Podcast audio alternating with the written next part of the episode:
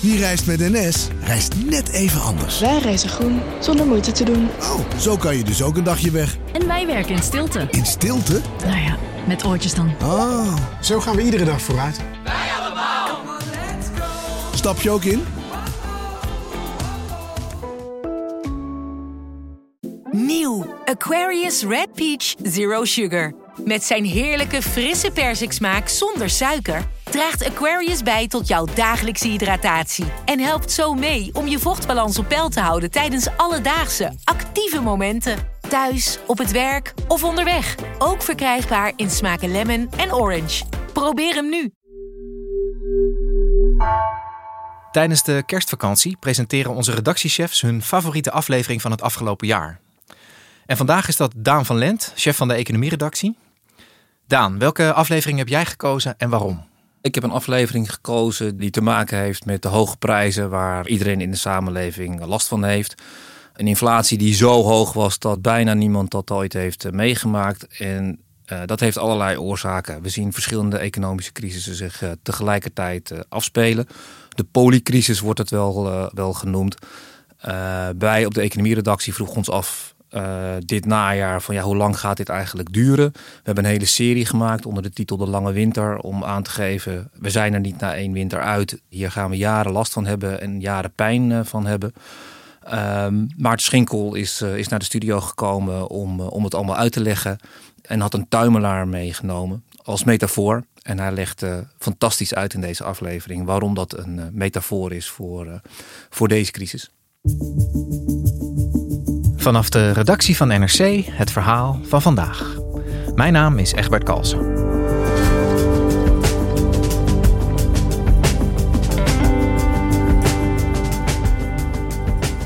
Economen houden voor deze winter rekening met een recessie. Nu horen periodes van krimper gewoon bij, maar deze keer is het echt anders. We hebben te maken met een polycrisis die de toekomst onvoorspelbaarder maakt. En volgens economieverslaggever Maarten Schinkel zou dit wel eens het begin kunnen zijn van een nieuw tijdperk, een economische ijstijd.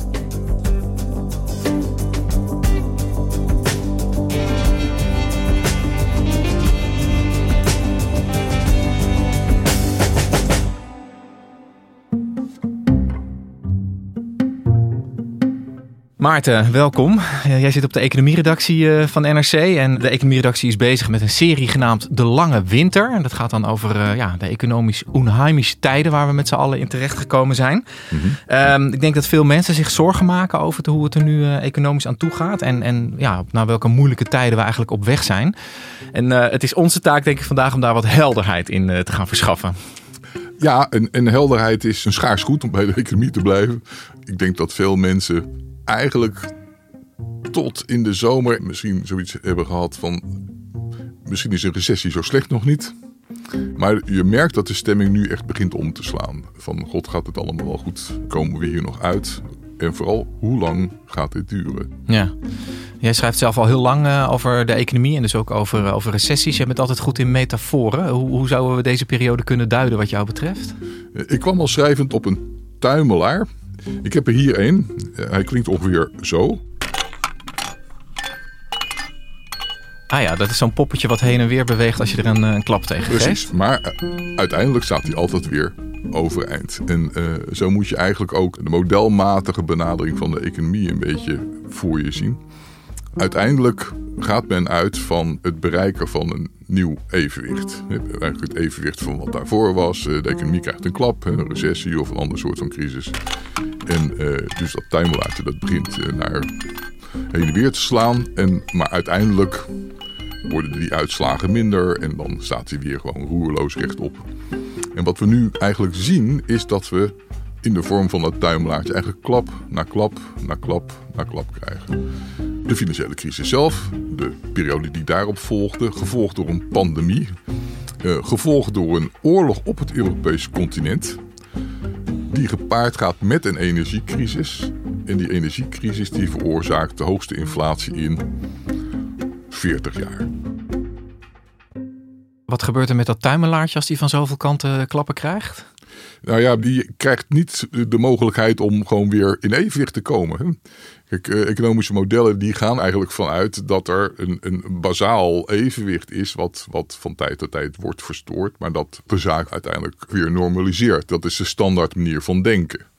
Alleen elk van deze crisis is eigenlijk al uniek. Maar het zijn er heel veel achter elkaar. Zoveel dat als je zou zeggen, nou, Hollywood schrijft hier een filmscript over en dient dat in bij een producent, dat die producent zegt, nou, dit is wel een beetje over de top, eh, dit gebeurt nooit. Wat dat betreft bevinden we ons echt in een, eh, in een buitengewoon unieke situatie. Dus je ziet dat die tuimelaar, die klap na klap na klap. Maar als je hem hard genoeg slaat, dan gaat hij stuk. En dan veert hij niet meer vanzelf op. En dat is eigenlijk gewoon waar we nu zijn. Hè? De vraag of eh, de economie dit soort klappen achtereenvolgens aan kan. Goedenavond. De Nederlandse economie stevend af op een recessie. In het afgelopen kwartaal daalde de economische groei met 0,2 procent. Een kwartaal eerder was er nog 2,4 procent groei. In Den Haag kijken ze met argusogen naar de cijfers. De afgelopen jaren was er volop geld voor bijvoorbeeld corona-steunpakketten en het plafond voor de energierekening. Maar dat is niet lang vol te houden en hoor je partijen al hinten op bezuinigingen. Miljarden zijn eruit getrokken om mensen het komende jaar te helpen met het betalen van de energierekening. Maar dat houdt een keer op, zeggen ze nu steeds vaker. Want ook in de Tweede Kamer vrezen ze wat er ons na volgend jaar te wachten staat. Maarten, laten we die eh, bijzondere situaties even gaan uitbenen. Misschien slim om heel eventjes bij eh, de actualiteit te beginnen. Vorige week eh, werd duidelijk dat de Nederlandse economie in het derde kwartaal is gekrompen. Hè? Een kleine krimp, eh, Ja. 0,2 procent geloof ik. Ehm, hoe slecht staat de economie er nu voor? Ook ten opzichte van, van eerdere fases. Nou, die economie heeft op dit moment twee gezichten. Hè? Kijk, op het eerste gezicht staan we er aardig voor. De werkloosheid is 3,5% plus of min. Eh, er zijn veel meer vacatures dan er banen zijn. Nou, ook een heel goed teken. En als je kijkt naar de economische groei ten opzichte van een jaar geleden, is die meer dan 3%. Prima zou je zeggen. Maar als je naar de kortere termijn kijkt, dan zie je een ander beeld. Je ziet werkloosheid al iets oplopen.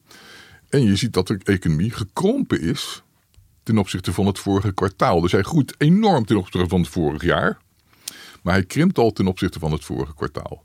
Dus we genieten nog na zeg maar, van een hele goede periode, terwijl, terwijl de winter eigenlijk al aangebroken is. Maar wat uniek is, is, en dat voelt iedereen natuurlijk heel goed aan, is de hele hoge inflatie die we hebben. En de vraag in hoeverre die economische krimp, die nog gering is, in hoeverre die door gaat zetten.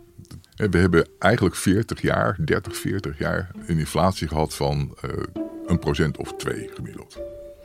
Dat wordt door mensen niet beschouwd als inflatie. Dat is zo laag dat mensen denken dat geld eigenlijk gewoon evenveel waard blijft. En dat is nu een schok, hè? Want, want in economische zin, de vloer waarop je staat, hè? je grootste zekerheid, de waarde van het geld, die zakt nu onder je vandaan. En dat is, dat is echt een potentieel traumatische ervaring voor mensen. Ja, en recessies eh, en periodes van krimp horen eigenlijk bij de normale gang van de economie, zou je kunnen zeggen. Wat maakt nou dat de zorgen over deze periode zo groot zijn? Omdat de onzekerheden heel groot zijn. Je zou kunnen zeggen, normaal komt de recessie voort uit de economie zelf. Hè? Er wordt overgeproduceerd, hij oververhit. De centrale bank moet zeggen, nou dan doen we de rente wat omhoog. En dan gaat de economie in recessie en dan koelt die af en dan is alles weer goed. Dat is dat evenwichtsmodel van het poppetje. Eh, maar de, meeste factoren nu zijn gewoon extern. Je kan het na-effect van de, van de pandemie eh, of het risico dat die misschien nog een keer oplaait, kan je niet adresseren in het kader van economisch beleid. Laat staan vergrijzing, klimaat. Eh, dus er zijn allemaal externaliteiten eigenlijk die ons dit, op dit moment beïnvloeden. En dat maakt het natuurlijk heel onvoorspelbaar. Is dat dan de, de, de, de samenloop van, van al die crisis waar we het nu over hebben, die veroorzaakt dat we er nu zo slecht voor staan? Of is er ook nog iets anders aan de hand? Je zou kunnen zeggen dat we eigenlijk onszelf al in een, in een hele slechte uitgangspositie gemanoeuvreerd hebben. Ehm, je moet ver terug, maar als je kijkt naar de, de dotcom-crisis van, van begin deze eeuw, die is eigenlijk bestreden met renteverlagingen. En je zou kunnen zeggen dat we ons eigenlijk met een waardestijging van ons bezit eh, uit die crisis hebben proberen te manoeuvreren. We weten allemaal dat dat uit de hand gelopen is in 2008. Het was een van de voornaamste oorzaken. Overkreditering en een explosie van allerlei exotische instrumenten die daarmee te maken hadden. Die de, uh, de crisis van 2008 en 2009 hebben veroorzaakt. Het antwoord daarop was weer een lage rente, weer monetaire stimulering. Dus door centrale banken met lage rentes en veel geld is die economie op de been gehouden en heeft zich eigenlijk hetzelfde fenomeen weer voorgedaan. Weer records op de aandelenmarkten, weer overal echt wereldwijd bijna stijgende huizenprijzen. Waardoor we onszelf met een soort illusie van welvaart weer uit die crisis hebben gemanoeuvreerd. Nou, dat is eigenlijk onze uitgangspositie nu. Wat je nu ziet is dat overheden eigenlijk in heel Europa zorgen dat ze de burger tegemoetkomen in, met die hoge energiekosten. En uh, dat kost ontzettend veel geld. En dat, dat helpt ook voor een deel wel. Maar het maskeert dus ook een probleem. De inflatie wordt niet lager. Hè? De gevoelde inflatie wordt lager, want je krijgt gewoon geld uh, om je hoge energierekeningen te betalen. Maar het probleem los je er niet echt mee op. En er zijn natuurlijk landen die dit beter kunnen dan anderen. Nederland heeft een relatief lage staatsschuld. Maar landen in Zuid-Europa hebben helemaal geen lage staatsschuld. Uh, dus die krijgen deze lasten er nog eens overheen. Uh, dus het is geen panacee. Het is, uh, het is om de burger zeg maar, content te houden. En dat snap ik ook wel, want het laatste wat je nu wil is maatschappelijke onrust. Maar het is geen structurele oplossing. Dus het, het, pakt het probleem van de hoge energierekening op de korte termijn aan, maar het doet niks met het, met het economisch onderliggende probleem op de lange termijn. Ja, het is symptoombestrijding. Ten eerste is er geen oneindige hoeveelheid geld om dat te doen. Zeker niet in het zuiden van Europa. En ten tweede weten we niet hoe lang die energiecrisis duurt. Dat hangt weer samen met de duur van de oorlog in Oekraïne. Maar het hangt ook samen met structurele factoren. Er zijn twee pijpleidingen door de Oostzee waar gas doorheen had moeten stromen. Die zijn inmiddels opgeblazen. Dus je kan ervan uitgaan dat de energiecrisis zoals we nu hebben, dat we deze winter daarin wel overleven. Want er komt nog een winter en daarna komt er nog een winter. En het Internationaal Energieagentschap, dat is een grote internationale organisatie die zich hiermee bezighoudt, die waarschuwt daar ook al voor. The world has never ever witnessed an energy crisis in such a depth and complexity. And uh, I believe it is uh, just the beginning of the crisis we are seeing now. It may be with us for some time to come. Nou kan je zeggen, nou ja, we stoppen na verloop van tijd met het, het compenseren van burgers en bedrijven voor die energierekening. Uh, dan loop je het risico dat je zelf een neerwaartse spiraal in de economie veroorzaakt als je die steun als overheid staakt.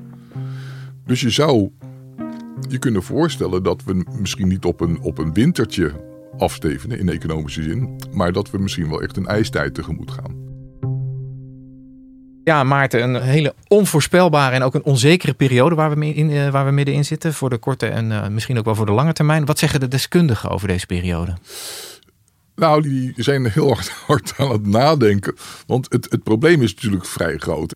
Kijk, het is altijd uh, lastig als je een, een systemische omslag krijgt in de economie en in het denken daarover. Dat hebben we ook na de jaren zeventig gezien.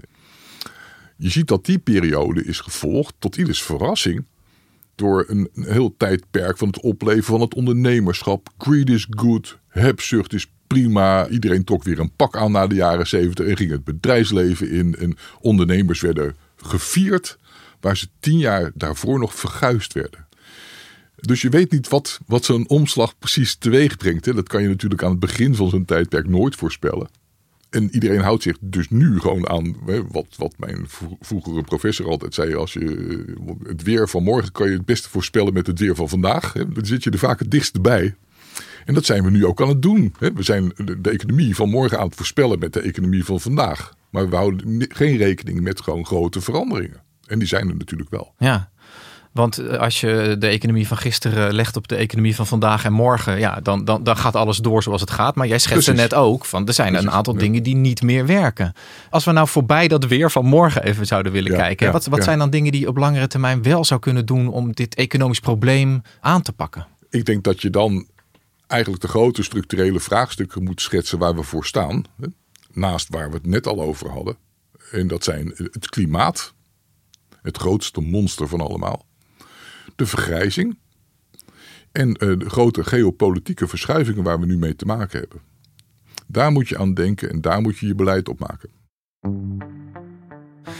Hey, en om het heel even terug te brengen naar, uh, naar, naar, ons, naar consumenten. Uh, mm-hmm. We zitten met die hoge inflatie en die energierekening. Mm-hmm. Tegelijkertijd zie je dat die economische groei stopt. Ja. Kan je nou als consument nog iets doen hier? Uh, in plaats van je alleen maar helemaal depressief laten worden door alle negatieve berichten over de economie.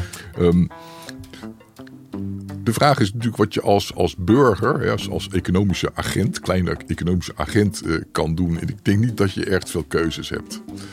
Doorwerken en je best doen. Kijk, je kan wel zeggen, ik hou mijn hand op de knip. En dat doen mensen ook. Mensen sparen veel. Naarmate de inflatie hoger wordt en het geld minder waard wordt, beginnen, beginnen mensen raar genoeg meer te sparen. Ik zelf doe dat namelijk ook. Maar als je je hand op de knip houdt, dan ja, vererger je de situatie misschien wel. Hè, door juist mee te werken aan een vraaguitval. Aan de andere kant, een beetje vraaguitval is niet zo slecht. En dan gaat die inflatie naar beneden. Het is voor een, een, een burger is dit eigenlijk te complex. Niet omdat hij niet slim genoeg is. Maar omdat je eigenlijk de gevolgen van handelingen helemaal niet kan overzien in deze, in deze digotome economie. Je ziet dat ook met het consumentenvertrouwen. Dat is op een recordlaagte nu. En uh, dat is uh, waarschijnlijk toe te schrijven aan het probleem wat mensen voelen. Kijk, in een normale recessie daalt het vertrouwen ook. Vooral omdat mensen bijvoorbeeld hun baan dreigen kwijt te raken. Maar het aantal mensen, het aandeel van mensen in de bevolking wat zijn baan dreigt kwijt te raken, is natuurlijk vrij gering. Maar je ziet nu dat inflatie het grootste probleem is. En iedereen, iedereen heeft te maken met inflatie. Dus iedereen beantwoordt die vragen over de economie ook negatief. En daarom is dat cijfer ook zo laag. En uh, Maarten, um, stel nou dat we inderdaad rekening moeten houden met een periode van, van, van langere economische krimp, van echt een recessie. Waar moet ik dan aan denken? Hoe ziet de economie er dan uit? Het ligt er een beetje aan, eigenlijk aan je historisch perspectief. als je wat langer meegaat, dan, weet je dat er eerder recessies zijn geweest en uh, die, die goed zijn afgelopen, maar soms echt heel heftig zijn geweest, zoals begin jaren tachtig. Ik kan me voorstellen dat je, als je nu een twintiger bent, dat je eigenlijk niet weet wat je overkomt. Oplopende werkloosheid vooral, teruglopende koopkracht en een, een periode die niet zo fijn is om mee te maken. Denk aan begin jaren tachtig. Dat was, een, uh, dat was een, echt een flinke recessie. no Future. Uh, er was een, uh, een beroemde band UB40. Die was genoemd naar, een, naar, een, naar het Britse werkloosheidsformulier. Dat zegt wel wat. Huizen zijn nog steeds duur. Hè. Ze dalen in waarde, maar die waren toch al moeilijk te betalen. Kijk, er zijn zoveel onzekerheidsfactoren die een rol spelen dat je eigenlijk helemaal niet kan zeggen, zelfs op korte termijn, hoe het allemaal afloopt. Er komt een wapenstilstand in Oekraïne morgen. Rusland geeft al het veroverde gebied terug. De energieprijzen dalen en hopsakee. Dat kan. Mhm. Het is niet waarschijnlijk, maar het, het, ergens in die boom van mogelijkheden die, die er zijn, is dit een takje. Ja. Het kan ook zijn dat het heel lang voortduurt en dat die crisis zichzelf gaat versterken. En dat we in die neerwaartse spiraal komen, dat het best wel lang kan, kan duren. Maar dat weten we niet. En jij bent uh, geen twintiger meer, dus je hebt ook wel eerdere periodes uh, van economische neergang meegemaakt. Hoe, hoe pessimistisch ben jij nu over deze tijd? Ik weet niet eens of, ik, of pessimisme een goede uitdrukking is. Omdat je echt niet weet wat er gaat gebeuren. Ja. Tegelijkertijd zijn er uh, grote structurele factoren. Die zien wij als risico slash onzekerheid. Het, klimaat, vergrijzing, uh, geopolitieke veranderingen... en het verleggen van handelsstromen... en het streven naar eigenlijk zelfvoorzienendheid... meer zelfvoorzienendheid in het Westen. Die kan je zien als bedreiging. Maar ze hebben ook voordelen. Het klimaat versnelt de energietransitie. En dat brengt allemaal nieuwe bedrijvigheid met zich mee. Uh, het zal ook veroorzaken dat energie misschien ook een, een, minder grote rol gaat spelen in onze bedrijvigheid of andere vormen gaat krijgen. Dus dat kan ook positief worden. De vergrijzing uh, kan tot gevolg hebben dat mensen echt veel langer blijven werken, waardoor zeg maar, die krapte op de arbeidsmarkt die verwacht wordt misschien wel meevalt, omdat het aantal actieven groter blijft in onze samenleving. Nou. En dan heb je de, de geopolitieke verschuivingen. Het Kijk, deglobalisering, het terughalen van activiteiten naar ons eigen continent, kan toch het gevolg hebben dat automatisering en robotisering een enorme vlucht gaan nemen. Waardoor je ook weer een hele nieuwe en andere vorm van bedrijvigheid krijgt. En waar we het al over hadden, begin jaren 80, kon men zich niet voorstellen dat die crisis ooit over zou zijn. En voilà, weet je, vier, vijf jaar later was een heel ander tijdperk aangebroken. Dus het kan ook heel erg goed lopen. En ik ben een geboren optimist en ik zit altijd aan die kant eigenlijk dat ik denk, nou, inventiviteit en ondernemerschap, uh, dat zijn eigenlijk de drijfveren van, uh, van onze samenleving. En ik geloof daar echt heilig in. Ja, dus, dus de, de, de rasoptimist Maarten Schinkel, die gelooft zeg maar dat deze crisis ook wel weer voorbij zal gaan. Mm -hmm. Hoe doe jij het nu zelf? Ik bedoel, hoe, heb jij jouw eigen consumentengedrag aangepast in deze periode van hoge inflatie en zo? Nou, wij, wij letten op de, de temperatuur in huis. Hè. We zitten nu op 18 graden. Prima te doen, echt prima te doen. En ik, ik spaar meer. Hè, dat het intuïtieve gedrag van uh, waar we het net over hadden.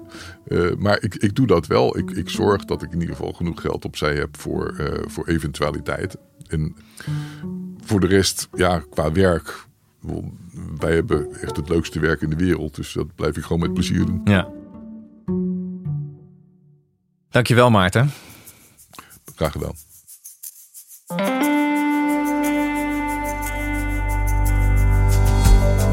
Je luisterde naar vandaag, een podcast van NRC. Eén verhaal, elke dag. Dit was een herhaling van dinsdag 22 november. En die aflevering is gemaakt door Esme Dirks, Nina van Hattem en Jeroen Jaspers. Dit was vandaag. Morgen weer een chef die zijn favoriete aflevering van dit jaar kiest. En vanaf 2 januari is vandaag weer terug met nieuwe afleveringen.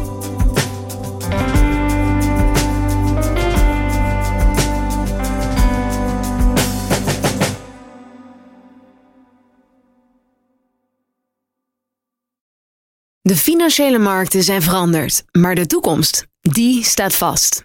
We zijn in transitie naar een klimaatneutrale economie. Dit biedt een van de grootste investeringskansen van onze generatie. Een kans voor u om mee te groeien met de pioniers van morgen. Meer weten? Ga naar carbonequity.com. Carbon Equity. Do good by investing better.